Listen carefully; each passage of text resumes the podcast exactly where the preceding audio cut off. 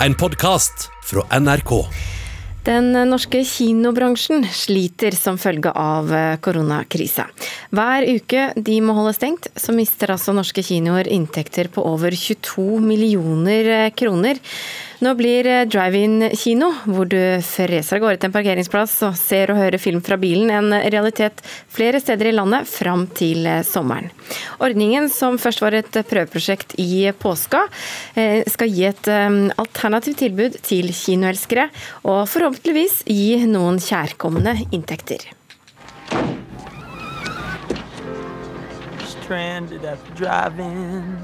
Det som før ble assosiert med en scene i filmen Grease, har nå blitt virkelighet i dagens Kino-Norge. For i fravær av åpne kinosaler er det drive-in publikum må ty til hvis de skal få kinofølelsen. Det som var et prøveprosjekt i påsken forlenges flere steder i landet fram til sommeren. Ja, Det var jo veldig populært nå i påska, og det viste seg jo at kvaliteten på det man klarer å levere som kinoopplevelse er veldig høy. Man sitter godt, man ser godt, man hører godt. Og det viser seg at publikum setter pris på, så vi har i praksis vært utsolgt gjennom hele påska. Det sier Jon Einar Sivertsen, sjef for kinokjeden Odeon. De samarbeider med Nordisk Film Kino og Filmweb i drive-in-tilbudet på Telenor Arena. Men til tross for drive-in-tilbud, situasjonen som bransjen nå står i er alt annet enn lett. Det sier både kino- og filmforsker Ove Solum og sjef for Bergen kino, Jeanette Heggeland. Det er tomme kinosaler rundt omkring i hele Norge, og det er klart at det er en helt ny og, og dramatisk situasjon. Vi har ingen inntekter. Alle våre saler er stengt for vanlig publikum, og vi har ikke lov å ha ordinære visninger. Så vi går ifra å ha en snittomsetning på to millioner i uken til å ha null i inntekt. Totalt mister nå Kino-Norge inntekter på 22 millioner kroner hver uke de holder stengt. I Bergen viderefører de nå påskeprosjektet med drive-in-kino på toppen av Bygarasjen. Selv om det ikke gir stor gevinst, kan det hjelpe ørlite grann, sier kinosjef Heggeland. Når vi nå viderefører det i en mer permanent løsning, så ser vi òg på at vi kan ta noen av de permitterte medarbeiderne våre tilbake i arbeid. Kinoene må minst holde stengt til 15. juni. I løpet av april vil kulturministeren gi beskjed om stengingen vil forlenges. Men det er ikke bare økonomien og stengte saler som truer kinoens framtid, mener kino- og filmforsker Solum. I en situasjon hvor kinoene er stengt, så er det jo nærliggende å tro at publikum lærer seg nye seervaner, og at strømming blir på en måte det som er med på å forsterke denne trusselen mot den framtidige kinodriften. Sjef for Frogner kino, Jan Vardøen, er enig med Solum. Han sier at også drive-in-prosjektet de er involvert i, på Tryvann i Oslo, blir forlenget, og mener det kan være viktig i kampen mot strømmegigantene. Det store skrekken er at alle venner seg til å sitte hjemme og se på Netflix og HBO, og liksom kommer aldri tilbake til kinoen. Så det er veldig, tror jeg, veldig fint at vi skaper sånne opplevelser som, som gjør folk husker hvor viktig og fint det er å være på kino. Så vil du på kino i nærmeste framtid, gjelder det å ta bilen fatt. Reporter var Knut Øyvind Hagen. Er du frista, Ida? Ja, jeg er det. Ja. Kulturkommentator her i NRK, Agnes Moxnes, hva med deg? Eh, absolutt. Eh, det er jo et, altså Drive-in-kino er jo et amerikansk fenomen, og jeg mener det var spåmenn og -kvinner som var ute på 80-tallet og sa at nå er det slutt på drive-in-kinoen. Og det er jo et, et, Det eksisterer jo nesten ikke heller ikke i USA, men også tidene forandrer seg. Det er det, vet du. Men hvor hardt vil du si at kinoene er rammet nå, under denne krisen? Altså, jeg tenker jo først og fremst på meg selv. Jeg elsker å gå på kino. Jeg går sikkert tre-fire ganger i, i, måneden på kino. Det er mest brukte kulturtilbudet i Norge. 72% av alle nordmenn går på kino én eller flere ganger. Det selges over 30 000 billetter hver eneste dag til en kino landet rundt. Så det er klart at det er et, et stort savn når det gikk fra 30 000 billetter på én dag, til, altså fra 12. mars til 13. mars, til null billetter. Sånn at det sier seg selv at dette er en bransje blant mange kulturbransjer som er, er hardt rammet akkurat nå. Altså, har du tro på at drive-in-kinoer kan hjelpe? Ja, det er jo så eksotisk og, og gøy, og, og, så lengter vi jo sånn etter å gjøre noe i fellesskap. Så det tror jeg er mange grunner til at vi oppsøker drive-in-kinoen.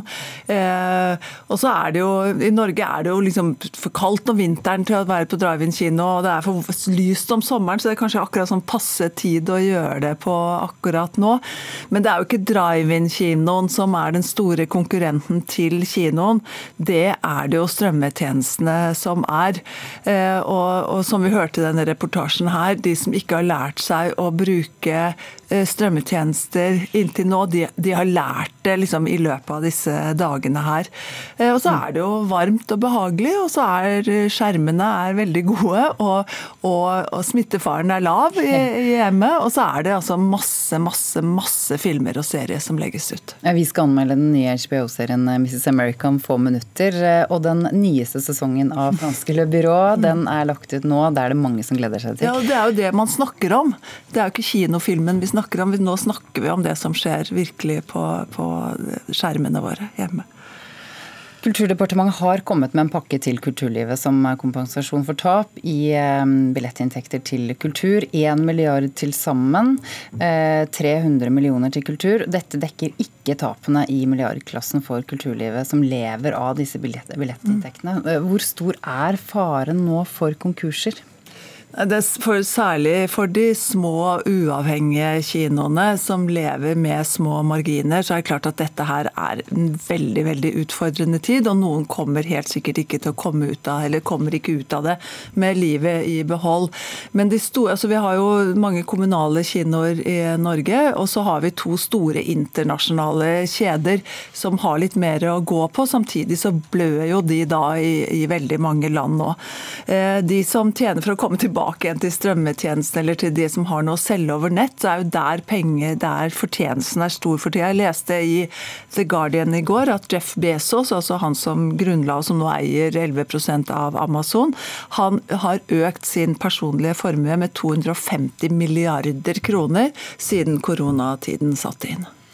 Veldig mange i kulturlivet venter nå på um, når regjeringen skal bestemme seg for hva de skal uh, gjøre med kulturarrangementer etter 15.6. Mm. Hva tror du skjer?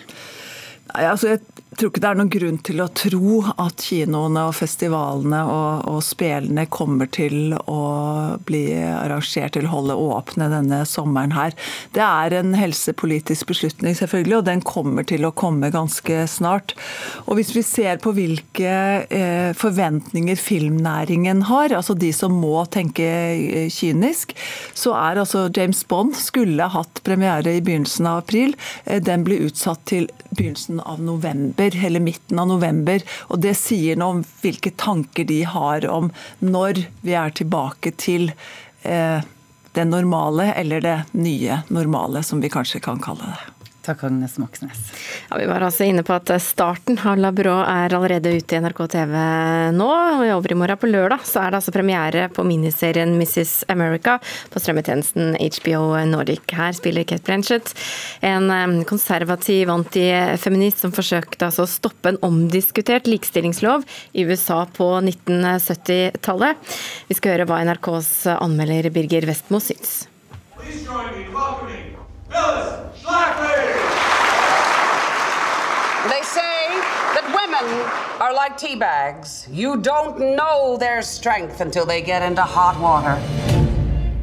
Enhver produksjon med Kate Blanchett foran kamera er per definisjon severdig. Miniserien Mrs. America er intet unntak. Her spiller hun den konservative antifeministen Phyllis Schlafly, som var en prominent motstander av et foreslått grunnlovstillegg om likestilling på 1970-tallet.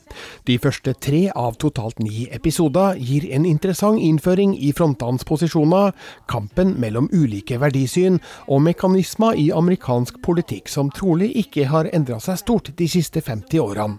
Man blir bombardert av fakta, figurer og sammenhenger, men både manus, regi og skuespill holder så høy kvalitet at det blir alt annet enn tørt, kjedelig og forvirrende. Mrs. America provoserer og engasjerer, samtidig som den gir et nyansert bilde av kvinnekamp som ikke alltid får like god plass i populærkulturen.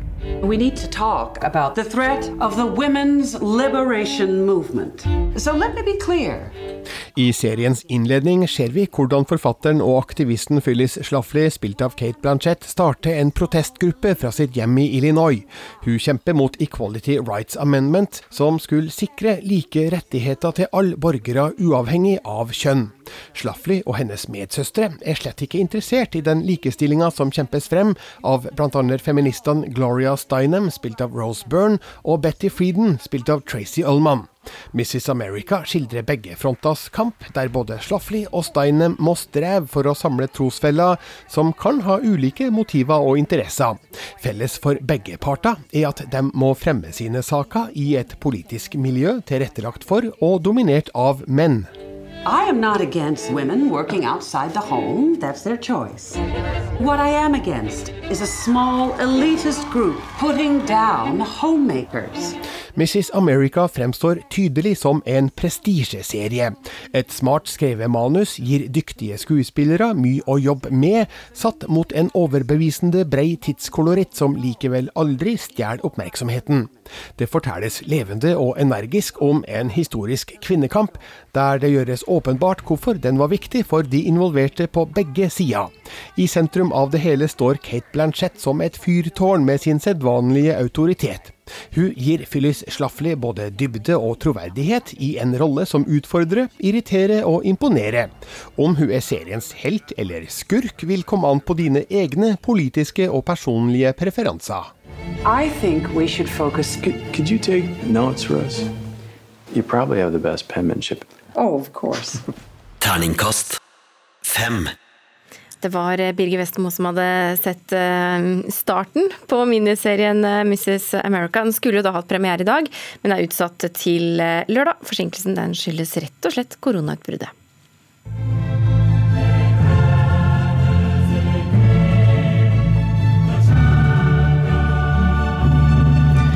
Dette gir sikkert en god følelse for mange. Champions League-hymnen som spilles før hver eneste kamp eh, i den europeiske mesterligaen.